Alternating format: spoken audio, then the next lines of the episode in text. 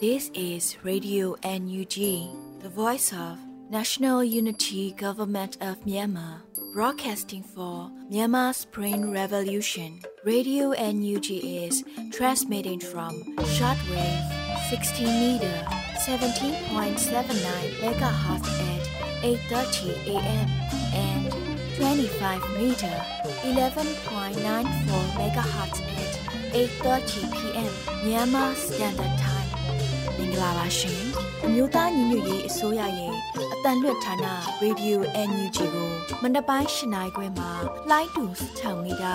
19.3ခွန်ကုန်းမဂါဟတ်စ်နဲ့ညပိုင်း၈နိုင်ခွဲမှာလိုင်းတူ25မီတာ17.3ကိုလီမဂါဟတ်စ်တို့မှာဓာတ်ရိုက်ဖမ်းယူနားဆင်နိုင်ပါပြီရှင်။မင်္ဂလာအပေါင်းနဲ့ပြည့်စုံကြပါစေ။အခုချိန်ကစပြီး Radio NUG စီစဉ်လေးကိုဓာတ်ရိုက်အတန်းလွှင့်ပေးနေပါပြီ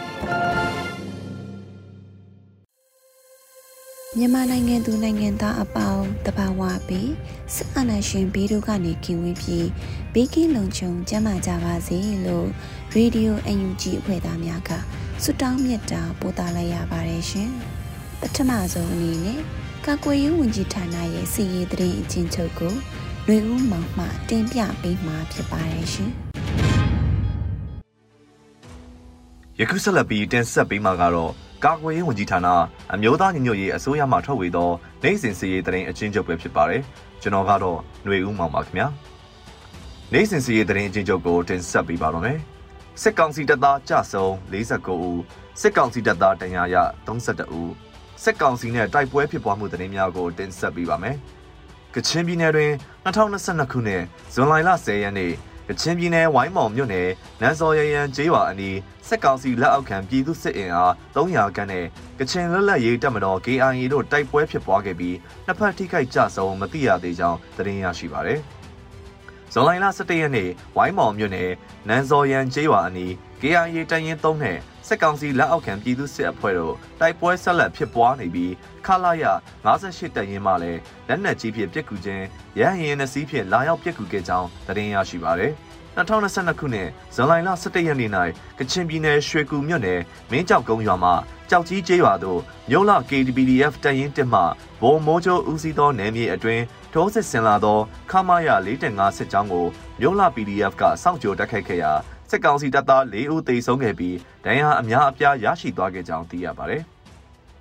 စကိုင်းတိုင်းတွင်2022ခုနှစ်ဇွန်လ17ရက်နေ့စကိုင်းတိုင်းစလင်းကြီးမြို့နယ်စလင်းကြီးမြို့မရဲစခန်းကိုတွေ့ရာတင်ကြိုင်းဓာမဆိုင်ပျောက်ကြားတပ်ဖွဲ့တက်ခွဲ1တက်ခွဲ2တက်ခွဲ4တို့ပူးပေါင်း၍120မမ80မမတို့ဖြင့်ပြစ်ခတ်တိုက်ခိုက်ခဲ့ရာစစ်ကောင်စီတပ်သား3ဦးသေဆုံးခဲ့ပြီးစစ်ကောင်စီဘက်မှ drone တစ်စီးလွှတ်တင်၍လက်နက်ကြီးလက်နက်ငယ်များဖြင့်ပြန်လည်ပစ်ခတ်ခဲ့တော်လဲဒေါ်လန်၏ရဲဘော်များထိခိုက်မှုမရှိပြန်လည်ဆုတ်ခွာနိုင်ခဲ့ကြောင်းသတင်းရရှိပါသည်။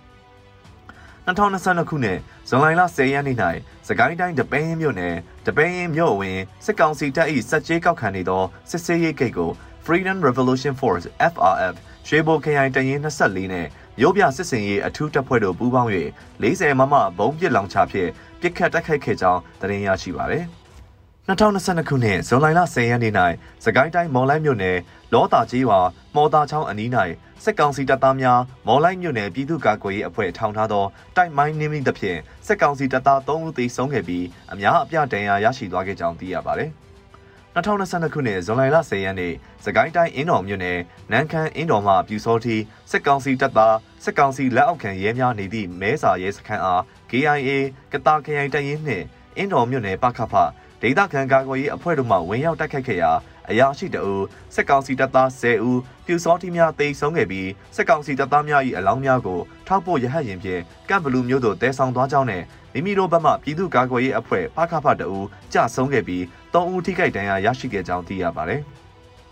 2022ခုနှစ်ဇွန်လ10ရက်နေ့စကိုင်းတိုင်းရွှေဘုံမြို့နယ်ကော့ချေးရွာလမ်းခွဲကြောင်မြောင်းရွှေဘုံလမ်းမပေါ်၌ရွှေဘုံမြို့မှထွက်လာသောစစ်ကောင်စီတပ်သား30ခန့်မှကားတစ်စီးကိုရွှေဘုံမြို့နယ်ပကဖအင်အားစုများမှမိုင်းဆွဲတိုက်ခိုက်ခဲ့တဲ့ဖြင့်စစ်ကောင်စီတပ်သား3ဦးသေဆုံးခဲ့ပြီး9ဦးထိခိုက်ဒဏ်ရာရရှိခဲ့ကြောင်းသတင်းရရှိပါသည်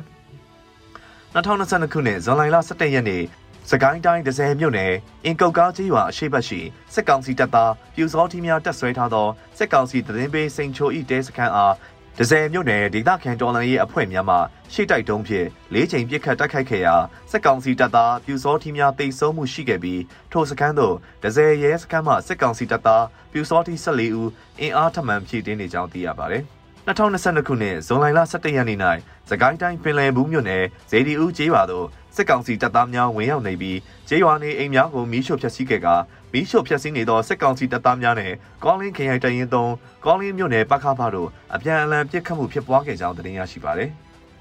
တနင်္သာရီတိုင်းတွင်2022ခုနှစ်ဇွန်လ9ရက်နေ့မနက်ပိုင်း၌တနင်္သာရီတိုင်းပလောမြို့နယ်ရှိ LDF အဖွဲ့က ဘလောကုန်းရွာစစ်ကောင်စီတပ်သားများကိုတွားရောက်ပစ်ခတ်ခဲ့ရာစစ်ကောင်စီတပ်သား2ဦးသေဆုံးခဲ့ပြီးစစ်ကောင်စီဘက်မှလက်နက်ကြီးဖြင့်6ချက်ခန့်တုံ့ပြန်ရန်တမ်းပစ်ခတ်၍ LDF အဖွဲ့ဝင်တအူလက်နက်ကြီးစခြေထောက်တွင်ထိမှန်မစိုးရိမ်ရခဲ့ကြောင်းသိရပါဗျ။ 2022ခုနှစ်ဇူလိုင်လ9ရက်နေ့၌တနင်္သာရီတိုင်းလောင်းလုံးမြို့နယ်ပန်တလဲကျေးရွာရှိနေအိမ်တစ်လုံးတွင်စကန်းချနေထိုင်နေသည့်စစ်ကောင်စီလက်အောက်ခံပြူစောတိအဖွဲ့ဝင်များကိုပြည်သူ့ကာကွယ်ရေးတပ်ဖွဲ့များပူးပေါင်းပြီးတွားရောက်တိုက်ခတ်ခဲ့ပြီးလောင်းလုံးမြို့နယ်ပြည်သူ့ကာကွယ်ရေးတပ်ဖွဲ့အထူးပျောက်ကြားတပ်ဖွဲ့ T5 Federal စစ်ကြောင်းတပ်ဖွဲ့ဝင်များဒဝဲခရိုင်ပြည်သူ့ကာကွယ်ရေးတပ်ဦးတပ်ခွဲ1နဲ့ ဒဝဲ Defense Team DDD တပ်ခွဲ3တို့ပါဝင်ပြီးတိုက်ခတ်မှုကြောင့်ပြူစောတိအဖွဲ့ဝင်တဦးသေဆုံးကဒဏ်ရာရရှိသူများရှိကြောင်းနဲ့ပြည်သူ့ကာကွယ်ရေးတပ်ဖွဲ့ဝင်များအောင်မြင်စွာဆုတ်ခွာပြီးမိနစ်20ခန့်အကြာခလာရ100လေးတပ်မှစစ်ကောင်စီတပ်ဖွဲ့ဝင်များစစ်ကောင်စီကား၄စီးနဲ့စစ်ကူရောက်ရှိလာကလမ်းတစ်လျှောက်တနက်များပြစ်ခတ်ခဲ့ပြီးစစ်ကူဆန်းလာသည့်စစ်ကောင်စီကား၄စီးကိုပြည်သူ့ကာကွယ်ရေးတပ်ဖွဲ့ဝင်များမိုင်းဆွဲတိုက်ခတ်ခဲ့တော့လဲအပေါက်ကွဲခဲ့ကြောင်းသိရပါတယ်။ မကွေးတိုင်းတွင်2022ခုနှစ်ဇူလိုင်လ9ရက်နေ့၌မကွေးတိုင်းစစ်ဖြူမြို့နယ်စစ်ဖြူစောလန်းပိုင်းတနေရာကစုံမကျေးရွာအနောက်ဘက်ကစုံမရွာနဲ့ဖလန်မရွာအကြားမိုင်းတိုင်း34 35တွင်စစ်ကောင်စီရင်နှန်းအားစိတ်ဖြူဘာမတီ6ပခဖခွတ်တောင်းတက်ခွဲစောဒေတာကာကွယ်ရေးမဟာမိတ်ပူးပေါင်းအဖွဲ့၃ဘွဲ့မှပူးပေါင်းမိုင်းဆွဲခဲ့ရာစစ်ကောင်စီတပ်မှဗိုလ်အဆင့်ရှိသူတဦးအပါအဝင်စုစုပေါင်းတပ်သား15ဦးသေဆုံးခဲ့ပြီး9ဦးထိခိုက်ဒဏ်ရာရရှိသွားခဲ့ကြောင်းသိရပါတယ်။ ရှမ်းပြည်နယ်တွင်2022ခုနှစ်ဇွန်လ10ရက်နေ့ရှမ်းပြည်နယ်ရွာငံမြို့နယ်တဖန်းပင်ရွာအနီးရှိရွာငံမြောက်ပိုင်းစုံပကဖစခန်းရှိရာစစ်ကောင်စီအင်အား40ခန်းဖြင့်စစ်ကြောင်းထိုးဝင်ရောက်တိုက်ခတ်ခဲ့ရာပကဖစခန်းကိုထိခိုက်မှုမရှိဘဲကြိုတင်ရှောင်ရှားနိုင်ခဲ့ကြောင်းသတင်းရရှိပါသည်2022ခုနှစ်ဇွန်လ10ရက်နေ့ရွှမ်းပြည်နယ်ရွာငံမြို့နယ်ရွာငံပင်းကရလမ်းပိုင်းညောင်ကုန်းနယ်လက်ပံကြားတွင်ရွာငံမြို့မှပြန်လာသောစစ်ကောင်စီခန့်ဒေသအုပ်ချုပ်ရေးမှူးအာကာလင်းလိုက်ပါလာသည့် ရင်ခုနှစ်စီးပါရင်နှန်းကိုကြောက်စဲနဂနီပျောက်ကြားတပ်ဖွဲ့နဲ့ရွာငံပြည်သူ့ကာကွယ်ရေးအဖွဲ့တို့ကမဒေသာမိုင်းဖြစ်တိုက်ခိုက်ခဲ့ရာစစ်ကောင်စီတပ်သား10ဦးခန့်ပွဲချင်းပြီးတေဆုံးခဲ့ပြီးစစ်ကောင်စီကားနှစ်စီးလည်းပျက်စီးသွားကြောင်းသိရှိရပါတယ်။ဆက်လက်ပြီးစစ်ကောင်စီကျူးလွန်သောရာဇဝတ်မှုများကိုတင်ဆက်ပေးပါမယ်။ကချင်ပြည်နယ်တွင်2022ခုနှစ်ဇွန်လ10ရက်နေ့၌ကချင်ပြည်နယ်ဖားကတ်မြို့နယ်စိတ်မူကြီးဝါရှိရွှေညီကိုကားဂိတ်ကိုစစ်ကောင်စီတပ်သားအင်အား20ခန့်ဖြင့်လာရောက်ချိတ်ပိတ်ခဲ့ကြောင်းသတင်းရရှိပါသည်။ချင်းပြည်နယ်တွင် 2022ခုနှစ်ဇွန်လ9ရက်နေ့ချင်းပြည်နယ်ဖလန်းမြို့နယ်တောက်ကျေးရွာကိုစစ်ကောင်စီတပ်ကရွာလုံးကျွန်းဒီပါနေအိမ်29လုံးကိုမီးရှို့သွားခဲ့ပြီးဖျားเจ้าနဲ့စာတင်เจ้าအပါအဝင်အဆောက်အအုံ၈လုံးသာကျန်ကြောင်းသိရပါတယ်။2022ခုနှစ်ဇွန်လ10ရက်နေ့၌ချင်းပြည်နယ်ဖလန်းမြို့နယ်တလန်ဇာကျေးရွာကိုစစ်ကောင်စီတပ်ကမီးရှို့ဖျက်ဆီးခဲ့ပြီးနေအိမ်6လုံးမီးလောင်ပျက်စီးခဲ့ကြောင်းသတင်းရရှိပါရတယ်။ စကိုင်းတိုင်းတွင်2022ခုနှစ်ဇွန်လ10ရက်နေ့စကိုင်းတိုင်းရွှေမိုမြို့နယ်ဘက်မှအိမ်စီးကားများဖြင့်စစ်ကောင်စီအင်အား30ခန့်သည်ဝက်လက်မြို့နယ်ဆိုင်နိုင်လေးကျေးရွာသို့ရောက်ရှိလာပြီးကျေးရွာအတွင်းနှင့်လမ်းဘေးဝဲယာတို့ကိုလက်နက်ကြီးများဖြင့်ရန်တမ်းပစ်ခတ်ခဲ့ခြင်းကြောင့်ပြည်သူနေအိမ်အချို့ပျက်စီးခဲ့တဲ့အပြင်ပြည်သူတဦးကြည်ထိမှန်သိဆုံးပြည်သူ2ဦးအသက်အန္တရာယ်စိုးရိမ်ရကအခြားပြည်သူ4ဦးလည်းထိခိုက်ဒဏ်ရာရရှိခဲ့ကြောင်းသတင်းရရှိပါရယ် ဆက်လက်ပြီးတနင်္သာရီတိုင်းတွင်2022ခုနှစ်ဇွန်လ17ရက်နေ့တနင်္သာရီတိုင်းလောင်းလုံးမြို့နယ်အတွင်းရှိကျေးရွာအချို့တွင်စစ်ကောင်စီတပ်နှင့်လက်အောက်ခံအဖွဲ့ဝင်များ၏လက်ချက်ကြောင့်ပျက်စီးဆုံးရှုံးမှုကြက်သိန်းပေါင်း900ခန့်ရှိလာကြောင်းပြည်သူ့အုပ်ချုပ်ရေးအဖွဲ့မှပြုစုထားသောစည်ရင်းအချက်အလက်များအရသိရှိရကလောင်းလုံးမြို့နယ်ရှိကျေးရွာအချို့တွင်စစ်ကောင်စီတပ်ဖွဲ့ကပြီးခဲ့သည့်ဇွန်လ16ရက်နေ့မှဇွန်လ6ရက်နေ့အထိ အကြမ်းဖက်လုပ်ရများကြောင့်ဆုံးရှုံးပျက်စီးခဲ့ရခြင်းဖြစ်ကြောင်းနဲ့အဆိုပါပျက်စီးဆုံးရှုံးမှုများတဲ့တွင် နေအိမ်မီးရှို့ခံရခြင်းကားဆိုင်ကယ်များလူယူမီးရှို့ခံရခြင်းဖုန်းအပါအဝင်ဝင်းနဲ့တံမိုးကြီးပစ္စည်းများကိုလူယူခံရခြင်းများလည်းပါဝင်ခဲ့ကစစ်ကောင်စီတပ်ဖွဲ့၏လက်ချက်ကြောင့်ပစ္စည်းဥစ္စာဆုံးရှုံးမှုများအပြင်အကြမ်းဖက်တပ်ဖြတ်မှုကြောင့်ဒေသခံပြည်သူ9ဦးသေဆုံးခဲ့က3ဦးထိခိုက်ဒဏ်ရာရရှိခဲ့ပြီးလက်ရှိတွင်လောင်းလုံးမြို့နယ်အတွင်း၌ ဒေသခံပြည်သူ4000ကျော်နေအိမ်ဆုတ်ခွာပြီးထွက်ပြေးတိမ်းရှောင်နေရတဲ့ကဲ့သို့အကြောင်းမျိုးမျိုးကြောင့်ထွက်ပြေးတိမ်းရှောင်နိုင်ခြင်းမရှိသည့်ဒေသခံပြည်သူ46ဦးမှာစစ်ကောင်စီတပ်ဖွဲ့၏ဖမ်းဆီးထားခြင်းခံရကြောင်းသိရရှိပါသည်။2022ခုနှစ်ဇူလိုင်လ10ရက်နေ့တနင်္သာရီတိုင်းတရက်ချောင်းမြို့နယ်ကတွဲကျေးရွာကားလမ်းမပေါ်စိုက်ကယ်နဲ့ထွက်လာသည့်အသက်14နှစ်အရွယ်ဆယ်ကျော်သက်လူငယ်တဦးကိုစစ်ကောင်စီကအကြောင်းမဲ့ဖမ်းဆီးသွားခဲ့ကြောင်းသတင်းရရှိပါသည် 2022ခုနှစ်ဇွန်လ10ရက်နေ့တနင်္သာရီတိုင်းမြိတ်မြို့နယ်မြိတ်မြို့တွင်စစ်ကောင်စီမှတမကကျောင်းသူကျောင်းသားများနဲ့ CDN ကျောင်းသားကျောင်းသူတို့ကို Social Punishment ကိစ္စနဲ့ပတ်သက်၍ရှာဖွေဖမ်းဆီးနေကြောင်းသတင်းရရှိပါသည်။ပဲခူးတိုင်းတွင်2022ခုနှစ်ဇွန်လ17ရက်နေ့ပဲခူးတိုင်းအနောက်ချမ်းပြည်မြို့နယ်အတွင်းမှသုံးမိန်အိုးဝေများကိုစစ်ကောင်စီလက်အောက်ခံရင်ထိန်ရဲများမှလမ်းမများတွင်ရောင်တခင်စစ်ဆေးဖမ်းဆီးပြီးဒဏ်ငွေတောင်းခံခြင်းများရက်ဆက်လှုပ်ဆောင်နေသောကြောင့် အငားမောင်းသမားများအခက်တွေ့နေကြကြောင်းနဲ့ဇူလိုင်လမှစ၍တင်းတင်းကြပ်ကြပ်ဖမ်းဆီးနေခြင်းဖြစ်ပြီးရင်မောင်းလိုင်စင်လုပ်ငန်းလိုင်စင်ရင်လိုင်စင်များကိုလမ်းစုံလမ်းကွာလူစီကားရာနေရာများတွင်လိုက်လံစစ်ဆေးကရပ်တန့်ထားပါကလည်းစစ်ဆေးမင်းများဖမ်းဆီးပြီးဒဏ်ကြေး3000ကျပ်ဆောင်နေကြောင်းလက်ရှိအချိန်ထိဖမ်းဆီးခံရသူ100ကျော်ရှိနေကြောင်းသတင်းရရှိပါရခင်ဗျာ။ မကွေးတိုင်းတွင်2022ခုနှစ်ဇွန်လ17ရက်နေ့မကွေးတိုင်းထီးနှင်းမြို့နယ်မြောက်ပိုင်းအခြေဝါပင်ရွာ3ရက်တာစခန်းချထားသောစစ်ကောင်စီစစ်ကြောင်းမှဝတ်သက်အရှိပြင်အနီးသို့စစ်ကြောင်းထိုးဝင်ရောက်စဉ်အခြေဝါပင်ရွာအနီးတောတွင်တနေရာ၌စစ်ပေးရှောင်နေကြသောဒေသခံပြည်သူအမျိုးသမီး9ဦးကိုတစားခံအဖြစ်ဖမ်းဆီးခေါ်ဆောင်ထားကြောင်းသတင်းရရှိပါသည်။ 2022ခုနှစ်ဇွန်လ17ရက်နေ့မကွေးတိုင်းပခုတ်ကူမြို့နယ်တန့်ကြည်တောင်ဒေသအင်ဂျီ350ခန်းရှိဒဲပြားရွာသို့စစ်ကောင်စီနဲ့စစ်ကောင်စီလက်အောက်ခံပြူစောတီစုစုပေါင်းအင်အား200ခန်းဖြင့်အကြမ်းဖက်ဝင်ရောက်မွေးနှောက်နေကြောင်းသတင်းရရှိပါသည်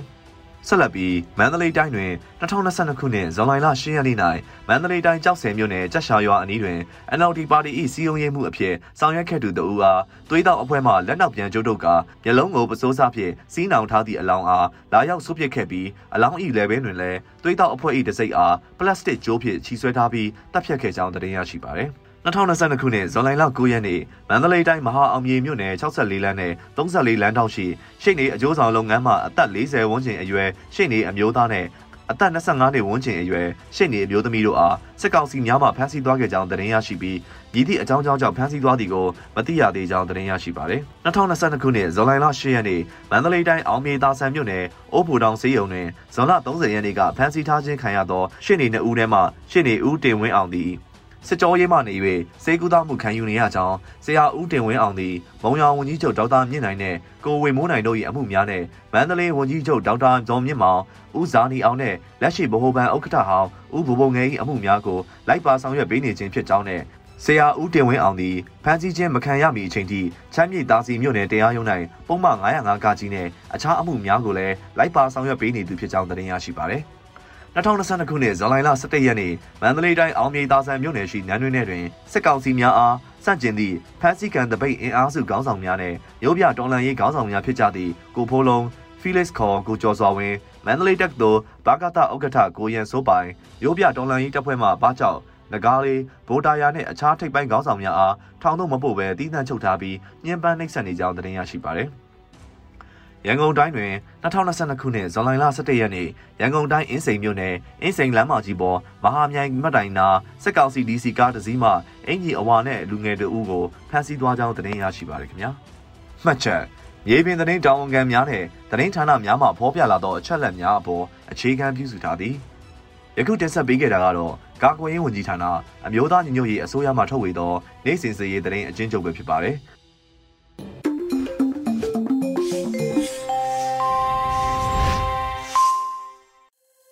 ဆက်လက်ပြီး Radio UNG ရဲ့နောက်ဆုံးရသတင်းများကိုຫນွေဦးမိုင်မှဖက်ကြားတင်ပြပေးပါမယ်ရှင်။မင်္ဂလာပါရှင်။အခုချိန်ကစပြီး Radio UNG ရဲ့နေ့ခင်းသတင်းများကိုဖတ်ကြားပေးပါတော့မယ်။ဤသတင်းများကို Radio UNG သတင်းတောင်ခံများနဲ့ခိုင်လုံတဲ့မိဖက်သတင်းရင်းမြစ်တွေစီကအခြေခံတင်ပြထားခြင်းဖြစ်ပါရရှင်။ကျမຫນွေဦးမိုင်ပါ။ စစ်အာဏာရှင်စနစ်ပြတ်သုံးစေရင်အင်အားစုများဖြစ်ပေါ်လာဖို့အတွက်ကြိုးပမ်းဆောင်ရွက်ကြရန်လဲလိုအပ်တယ်လို့ပြည်ထောင်စုဝန်ကြီးချုပ်မန်းဝင်းခိုင်တန်းပြောကြားတဲ့သတင်းကိုတင်ပြပေးပါမယ်။စစ်အာဏာရှင်စနစ်ပြတ်သုံးစေရင်အင်အားစုများဖြစ်ပေါ်လာဖို့အတွက်ကြိုးပမ်းဆောင်ရွက်ကြရန်လဲလိုအပ်တယ်လို့ပြည်ထောင်စုဝန်ကြီးချုပ်မန်းဝင်းခိုင်တန်းပြောကြားလိုက်ပါတယ်။ဇူလိုင်17ရက်ကကျင်းပတဲ့အမျိုးသားညီညွတ်ရေးအစိုးရဂျာကာလာဒေသန္တရပြည်သူ့အုပ်ချုပ်ရေးဖော်ဆောင်မှုဗဟိုကော်မတီနဲ့ ဝန်ပြည်နယ်အတိုင်းပင်ခံကောင်စီ Moon State Consultative Council MSCC ပထမကြိမ်အစည်းအဝေးမှာဝန်ကြီးချုပ်ကပြောပါရယ်စစ်အာဏာရှင်စနစ်တိုက်ဖြတ်ရေးတွင်မွင်းပြင်းတဲ့ကိုစားပြုနေဖြင့်ပါဝင်ဆောင်ရွက်လှရှိကြသည့်အတွက်လေးစားဂုဏ်ယူပါကြောင်းမိမိတို့အနေဖြင့်တူညီသောတော်လှန်ရေးပုံဦးတည်ချက်အောက်တွင်စီလုံးညီညွတ်စွာဆောင်ရွက်ကြရန်လိုအပ်ပါကြောင်းစစ်ကောင်စီပြုတ်ကြရေးအတွက်ဆောင်ရွက်ရာတွင်စစ်ရေးနိုင်ငံရေး အုပ်ချုပ်ရေးတန်တမာရေးအပြင်မဟာမိတ်များနဲ့လည်းတက်နိုင်သမျှတွေ့ဆုံဆွေးနွေးပြီးစစ်အာဏာရှင်စနစ်ပြတ်သုံးစေရင်အင်အားစုများဖြစ်ပေါ်လာစေရေးအတွက်ကြိုးပမ်းဆောင်ရွက်ကြရန်လိုအပ်မည်ဖြစ်ပါကြောင်းဝန်ကြီးချုပ်ကဆိုပါတယ်။ဆက်လက်ပြီးဝန်ပြည်နယ်တိုင်ပင်ခံကောင်စီ MSCC မှဥက္ကဋ္ဌဖွဲ့ဝင်တဦးကနှုတ်ခွန်းဆက်စကားပြောကြားရရင်စစ်အာဏာရှင်စနစ်အမြင့်ပြတ်ချေမုံရေးဖြစ်သည့်ယခုຫນွေဦးတော်လှန်ရေးတွင်မွန်ပြည်နယ်မှတိုင်းသားပြည်သူများသည်လည်း တတက်တအားပါဝင်လှည့်ရှိပါကြောင်းစစ်အာဏာရှင်စနစ်ပြတ်သုံးရေးနဲ့အနာဂတ်ဖက်ဒရယ်ဒီမိုကရေစီပြည်ထောင်စုတည်ဆောက်ရေးအိမ်မက်သည်ပြည်ထောင်စုသားအလုံးနဲ့ထပ်တူမွန်ပြည်နယ်ပြည်သူများ၏ထက်သန်သောဆန္ဒမျှော်လင့်ချက်ပန်းနိုင်ဖြစ်ကြောင်းပြောကြားခဲ့ပါတယ်။အစည်းအဝေးသို့ဂျာကန်လာဒေသန္တရပြည်သူ့အုပ်ချုပ်ရေးဖော်ဆောင်မှုဗဟိုကော်မတီဥက္ကဋ္ဌပြည်ထောင်စုဝန်ကြီးချုံမန်းဝင်းခိုင်သားနဲ့အတူဗဟိုကော်မတီအဖွဲ့ဝင်ဝန်ကြီးများဒုတိယဝန်ကြီးများအမြဲတမ်းအတွင်းဝင်များ ဌာနဆိုင်ရာတာဝန်ရှိပုဂ္ဂိုလ်များနဲ့မွန်ပြည်နယ်တိုင်ပင်ခံကောင်စီ MSCC မှတာဝန်ရှိသူများတက်ရောက်ခဲ့ကြပါတယ်ရှင်။ဆလပီဂျာကာလာဒေသန္တရပြည်သူ့အုပ်ချုပ်ရေးဖော်ဆောင်မှုဗဟိုကော်မတီနဲ့စကိုင်းတိုင်းဒေသကြီးလွှတ်တော်ကိုစားပြုကော်မတီတို့တွေ့ဆုံဆွေးနွေးတဲ့သတင်းကိုတင်ပြပေးပါမယ်။ဂျာကာလာဒေသန္တရပြည်သူ့အုပ်ချုပ်ရေးဖော်ဆောင်မှုဗဟိုကော်မတီနဲ့စကိုင်းတိုင်းဒေသကြီးလွှတ်တော်ကိုစားပြုကော်မတီတို့တွေ့ဆုံဆွေးနွေးခဲ့ပါတယ်။ ဇူလိုင်လ17ရက်နေ့နနက်10:00နာရီမှာအမျိုးသားညီညွတ်ရေးအစိုးရဂျာကာလာဒေသန္တရပြည်သူ့ချုပ်ရေးဖော်ဆောင်မှုဗဟုကော်မတီနဲ့စကိုင်းတိုင်းဒေသကြီးလွှတ်တော်ကိုစားပြုကော်မတီတို့တွဲဆုံအစည်းအဝေးကျင်းပပါတယ်။အစည်းအဝေးမှာလူသားချင်းစာနာထောက်ထားရေးနဲ့ဘေးအန္တရာယ်စီမံခန့်ခွဲရေးဝန်ကြီးဌာနပြည်ထောင်စုဝန်ကြီးဒေါက်တာဝင်းမြတ်အေးကအဖွင့်အမှာစကားပြောကြားခဲ့ပါတယ်။ ထို့နောက်အစည်းအဝေးတွင်ပြည်ထရေးနှင့်လူဝင်မှုကြီးကြပ်ရေးဝန်ကြီးဌာန၏ဇိုလအတွင်းလုပ်ငန်းဆောင်ရွက်ချက်များရှင်းလင်းပြောကြားခြင်းသက်ဆိုင်ရာဦးစီးဌာနများနဲ့စကိုင်းတိုင်းအတွင်းရှိအင်အားစုများကြားပုံမှန်ချိတ်ဆက်နိုင်ရေးကိစ္စရပ်များမြေပြင်ဖြစ်ပေါ်နေသည့်အခြေအနေများနဲ့ညီဟန်ချက်ညီပူပေါင်းလုပ်ကင်ကြရမည့်ကိစ္စရပ်များစသည်တို့ကိုအခြေတဝန်းဆွေးနွေးခဲ့ကြပါတယ်။အစည်းအဝေးသို့ဂျာကာလာဒေသန္တရပြည်သူ့ချုပ်ရေးဖော်ဆောင်မှုဗဟိုကော်မတီဒုတိယဥက္ကဋ္ဌ1 ပြည်ထရေးနဲ့လူဝင်မှုကြီးကြပ်ရေးဝန်ကြီးဌာနပြည်ထောင်စုဝန်ကြီးဦးလွင်ကိုလက်ဗဟိုကော်မတီအဖွဲ့ဝင်များစကိုင်းတိုင်းဒေသကြီးလွှတ်တော်ကိုစားပြုကော်မတီမှတာဝန်ရှိပုဂ္ဂိုလ်များဝန်ကြီးဌာနအသီးသီးမှအမြဲတမ်းအတွင်းဝင်များညွှန်ကြားရေးမှူးချုပ်များတက်ရောက်ဆွေးနွေးခဲ့ကြပါတယ်ရှင်။ဆက်လက်ပြီး UNG ပေးဟာတော်လှန်ရေးမှာဘာနာရေးတိုက်ဆက်အနေနဲ့ပါဝင်နေတာဖြစ်တယ်လို့ဆိုတဲ့သတင်းကိုတင်ပြပေးပါမယ်။ NUG ပေးဟာတော်လှန်ရေးမှာဗန္ဒာရေးတိုက်စစ်အနေနဲ့ပါဝင်နေတာဖြစ်တယ်လို့ဒူးဝင်ကြီးဦးမင်းစရာဦးကပြောပါတယ်။ဇူလိုင်လ10ရက်နေ့ကျင်းပတဲ့ကမ္ဘာလုံးဆိုင်ရာမြန်မာပြည်ဖွားများတွေ့ဆုံပွဲဒုတိယအကြိမ်မှာ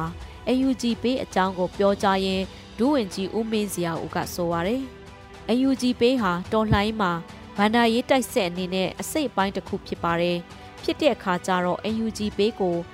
pilot project အနေနဲ့စတင်ဆောင်ရွက်နေပြီဖြစ်ပါတယ်လို့ဒူးဝင်ကြီးကဆိုပါတယ်။ UNG ပေးကိုလွတ်လပ်ပြီးလုံခြုံတဲ့ငွေပေးချေတဲ့စနစ်ဖြစ်အောင်စနစ်တကျလှုပ်ဆောင်ခဲ့ကြောင်းလူတိုင်းရဲ့တယ်လီဖုန်းနံပါတ်မှာအခြေမခံပဲအင်တာနက်ရှိတဲ့မိတိနေရမစိုးသုံးဆွဲနိုင်အောင်အခြေခံခဲ့တယ်လို့ဒူးဝင်ကြီးကထပ်လောင်းပြောကြားခဲ့ပါတယ်။ UNG ပေးဟာအကြမ်းဖက်စစ်ကောင်စီငွေကြေးရန်ရအောင်မှာလုံးဝလွတ်ကင်းသောငွေပေးချေမှုစနစ်တစ်ခုပင်ဖြစ်ပြီး ပြည်သူများအနေဖြင့်ဝေကျေးလွှဲပြောင်းမှုများကို လုံခြုံစိတ်ချစွာဆောင်ရွက်နိုင်ပါတယ်ရှင်။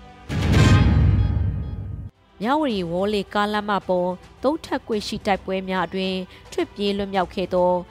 ခမရ102မှတပ်သား9ဦးအားကောင်းမွန်စွာထိန်သိမ်းထားရှိတဲ့တရင်ကိုဆက်လက်တင်ပြပေးပါမယ်။ကရင်ပြည်နယ်မြဝတီဝေါ်လေကားလမ်းမပေါ်သုံးထပ်ကွေရှိတိုက်ပွဲများအတွင်ထွက်ပြေးလွတ်မြောက်ခဲ့သော ခမရ102မှတပ်သား9ဦးအားကောင်းမွန်စွာထိန်းသိမ်းထားရှိပါတယ်။ဇူလိုင်လ17ရက်နေ့မှာစစ်ကောင်စီတပ်သား9ဦးအားကောင်းမွန်စွာထားရှိထားတယ်လို့ကော့ပရာစစ်ကြောင်းကဆိုပါတယ်။အကြမ်းဖက်စစ်ကောင်စီနဲ့ကော့ပရာစစ်ကြောင်းတို့ကြားဖြစ်ပွားနေသောမြဝတီဝေါ်လေကားလမ်းမပေါ်ရှိသုံးထပ်ကွက်ရှိတိုက်ပွဲများတွင်ထွက်ပြေးလွတ်မြောက်ခဲ့သောခမရ102မှတပ်သား9ဦးအားကောင်းမွန်စွာထိမ့်သိမ်းထားရှိပါတယ်လို့ဖော်ပြပါတယ်။ ဒါ့အပြင်စစ်ကောင်စီတပ်သား9ဦးအားလိုအပ်သောစေကူတမှုများဆောင်ရွက်ပေးလက်ရှိပြီးချမှတ်ထားသောစီမင်းစည်းကမ်းများနဲ့ညီအနေကင်းရှင်းပြီးလုံခြုံသောနေရာတွင် လူသားဆန်စွာထားရှိထားတာဖြစ်ပါတယ်ရှင်။ဆက်လက်ပြီး UNG ပေးကတဆင့်ထောက်ပို့ငွေ9000ရပြီလို့ရိုင်း PDF ဆိုလိုက်တဲ့သတင်းကိုတင်ပြပေးပါမယ်။ UNG ပေးကတဆင့်ထောက်ပို့ငွေ9000ရပြီလို့မြိုင် PDF ကဆိုပါတယ်။ ဇူလိုင်17ရက်နေ့မှာ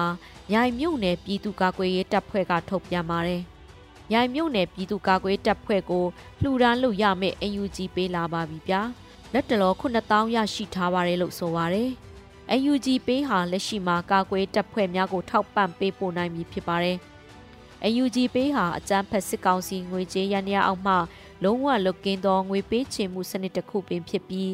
ပြည်သူများအနေဖြင့်ငွေကြေးလွှဲပြောင်းမှုများကို လုံခြုံစိတ်ချစွာဆောင်ရွက်နိုင်ပါတယ်ရှင်။ဆလပီ People's Defense Force ထီလင်း YRPA ရဲ့စိုးမိုးနေမြေမှာကျမရေးစောင့်ရှောက်မှုပေးရာလူ900ကျော်စောင့်ရှောက်မှုခံယူတဲ့တရင်ကိုတင်ပြပေးပါမယ်။ People's Defense Force ထီလင်း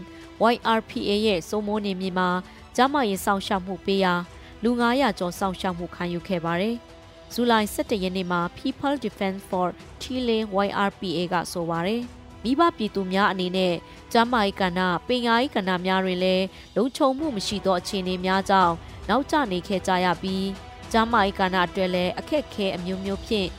ဖြည့်ရှင်းနေခဲ့ကြရပါတယ်။ထို့ကြောင့်ကျွန်တော်တို့ People Defense Force Chile YRPA ၏ medical team မှမိဘပြည်သူများ၏ကျန်းမာရေးကိုအထူးဂရုစိုက်သောအနေဖြင့်ကျန်းမာရေးပညာပေးကဏ္ဍကိုအကောင့်ထဲပေါ်ဆောင်ရွက်ခဲ့ကြပါတယ်လို့ဖော်ပြပါတယ်။ People Defense for Chilean YRPA ၏ medical team ဆေးအဖွဲ့ဝင်များမှစိုးမိုးနေမြေနှင့်3 4နဲ့5တွင်သွေးလွန်တုပ်ကွေးနှင့်ဝမ်းပြက်ဝမ်းလျှော်ယောဂများအကြောင်းကိုဆွေးနွေးပြောကြားကြပြီးကာကွယ်နီလာများကိုဟောပြောပညာပေးခဲ့ကြပါတယ်။ ထို့နောက်ကျေးရွာနယ်မိဘပြည်သူများ၏ကြားမရဲ့အတွက်အုတ်တချက်တဲတပွင့်ဖြစ်စေရန်အလို့ငါရှိနေသောစေဝါများဖြင့်ကြားမရေးဆောင်ရှောက်မှုပေးခဲ့ရာကြားမရေးဆောင်ရှောက်မှုခံယူသူဦးရေစုစုပေါင်း900ကျော်ရှိခဲ့ပါတယ်ရှင်။ဆက်လက်ပြီးတက်လက်18သိန်းတန်အိန္ဒိယ shotgun နဲ့ပုံစံအတူလက်လုံ shotgun များကိုတက်လက်9သိန်းကုန်ကြစည်ရင်နဲ့ဆီယာဆန် PDF ကလက်လုံတနက်ထုတ်လုပ်အောင်မြင်တဲ့သတင်းကိုတင်ပြပေးပါမယ်။ တက်လက်18သိန်းတန်အိန္ဒိယ shotgun ပုံစံတူလက်လုံ shotgun များကိုတက်လက်9သိန်းကုန်ကြစည်နဲ့ဆီယာဆန် PDF ကလက်လုံတနက်ထုတ်လုပ်အောင်မြင်တယ်လို့သတင်းရရှိပါရယ်။ဇူလိုင်လ17ရက်နေ့မှာဆီယာဆန် PDF ကလက်လုံထုတ်လုပ်အောင်မြင်တယ်လို့ဆိုပါရယ်။ဆီယာဆန် PDF မှာ India Shotgun 5.56ဘောက်ထိုးများကိုအောင်မြင်စွာထုတ်လုပ်နေပါတယ်။ India Shotgun တက်လက်18သိန်းပေးဝေနေရတဲ့အချိန်မှာကျွန်တော်တို့ဆီယာဆန် PDF မှာ India Shotgun နဲ့ပုံစံအတူ လက်လုံ shotgun များကိုလည်းတက်လက်9သိန်းတာကုန်ကြစိတ်ရှိလို့များများထုတ်လုပ်နိုင်ဖို့လဲစ조사နေပါတယ်လို့ဆိုပါတယ်။အဆိုပါ India Shotgun နဲ့ပုံစံအတူလက်လုံတနက်များကိုများများထုတ်လုပ်နိုင်ဖို့လဲစ조사နေတယ်လို့ဆီယာဆန်ပြည်သူ့ကာကွယ်တပ်ကထုတ်ပြန်ပါတယ်ရှင်။ဆက်လက်ပြီးကလေးမျိုးချမ်းမြေအောင်စီရက်ွက်တွင်နေထိုင်သောလူရွယ်တဦးတငယ်ချင်းများကိုစိုင်ကယ်နဲ့ပြန်လိုက်ပို့စဉ် စစ်ကောင်စီတပ်ကအကြောင်းမဲ့ပြစ်ခတ်ရသေးဆုံးတဲ့တရင်ကိုတင်ပြပေးပါမယ်။ကလေးမျိုးချမ်းမြေအောင်စီရက်ွက်တွင်နေထိုင်သောလူရွယ်တဦးတငယ်ချင်းများကိုစိုင်ကယ်နဲ့ပြန်လိုက်ပို့စဉ်စစ်ကောင်စီတပ်ကအကြောင်းမဲ့ပြစ်ခတ်ရသေးဆုံးခဲ့ပါတယ်။ဇူလိုင်17ရက်နေ့မှာအပြစ်မဲ့ရက်သားတေဆုံးမှုကို AAPP ကဖော်ပြပါရယ်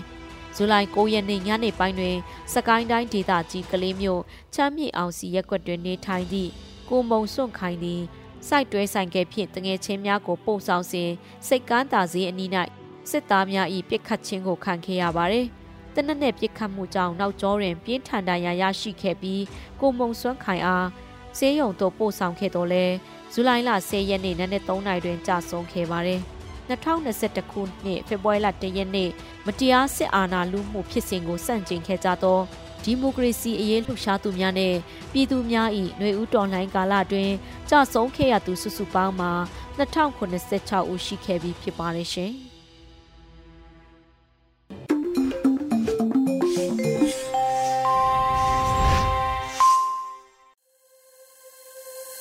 Radio UNG သောတိုက်ရှင်များရှင် PVTV ရဲ့နေ့စဉ်သတင်းများကိုထထအင်ဒရာအောင်မှဖိတ်ကြားတင်ပြပေးထားပါတယ်ရှင်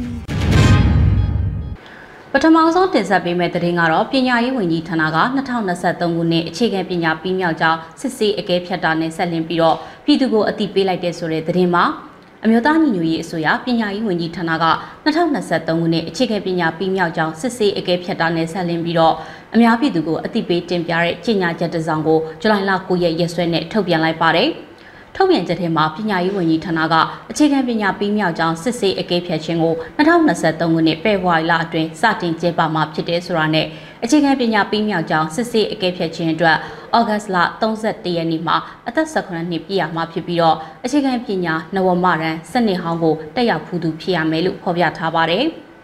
ဒါအပြင်ပညာရေးဝန်ကြီးဌာနကလက်ရှိအခြေအနေအမျိုးမျိုးနဲ့ရင်ဆိုင်ကြုံတွေ့နေရတဲ့ကျောင်းသားတွေအဆင်ပြေစေရေးအတွက်အခြေခံပညာပြီးမြောက်ကြောင်းစစ်ဆေးအကဲဖြတ်တာတွေအတွက်အင်တာနက်ရရှိတဲ့ data တွေမှာ online ကနေဖြည့်ဆို့စေတာ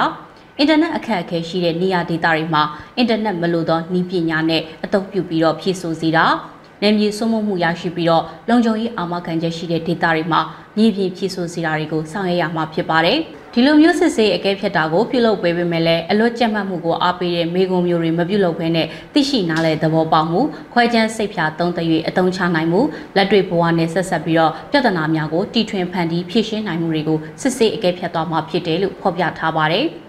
မေကွန်းကတခုချင်းစီအတွက်ဖြည့်ဆို့ချိန်2နာရီခွင့်ပြုမှာဖြစ်ပြီးတော့နိုင်ငံတကာစစ်ဆေးအကဲဖြတ်မှုပုံစံတွေအတိုင်းစဉ်းစားတွေးခေါ်မှုကိုအခြေပြုပြီးခွဲခြမ်းစိတ်ဖြာဖြည့်ဆို့ရတဲ့ဓမ္မဒိဋ္ဌံမေကွန်းအမျိုးအစားတွေပါဝင်မှာဖြစ်တယ်လို့ဖော်ပြထားပါတယ်။စစ်ဆေးအကဲဖြတ်မှုကို2023ခုနှစ်အတွင်းဖေဖော်ဝါရီလနဲ့ဩဂတ်လတွေမှာပြုလုပ်သွားမှာဖြစ်ပါတယ်။ပထမအကြိမ်မှာပါဝင်ဖြည့်ဆို့ရအခက်အခဲရှိသူများအနေနဲ့ဒုတိယအကြိမ်မှာပါဝင်ဖြည့်ဆို့နိုင်မှာဖြစ်တယ်ဆိုပြီးတော့လည်းဆိုထားပါတယ်။ စစ်ဆေးအကဲဖြတ်မှုရလဒ်တွေထုတ်ပြန်ရမှာဘာသာရပ်တစ်ခုမှာကြာရှုံးယုံနဲ့ဘာသာရပ်အလုံးပြန်လည်ဖြည့်ဆို့စေတဲ့စနစ်ကိုကျင့်သုံးသွားမှာမဟုတ်ပဲကျောင်းသားကျောင်းသူတွေရဲ့စွမ်းရည်ပေါ်အခြေပြုတဲ့ရလဒ်အဆင့်များထုတ်ပြန်ပေးမှာဖြစ်ပြီးတော့မိမိတို့ဆက်လက်သင်ယူမဲ့အဆင့်မြင့်ပညာဒါမှမဟုတ်အသက်မွေးပညာဆိုင်ရာပညာရေးအဖွဲ့အစည်းတွေရဲ့ဝင်ခွင့်သတ်မှတ်ချက်များပေါ်မူတည်ပြီးတော့ပြန်လည်ဖြည့်ဆို့ရန်လိုအပ်တဲ့ဘာသာရပ်တွေကိုသာထပ်မံဖြည့်ဆို့ရမှာဖြစ်တယ်လို့ပြောဆိုထားပါတယ်။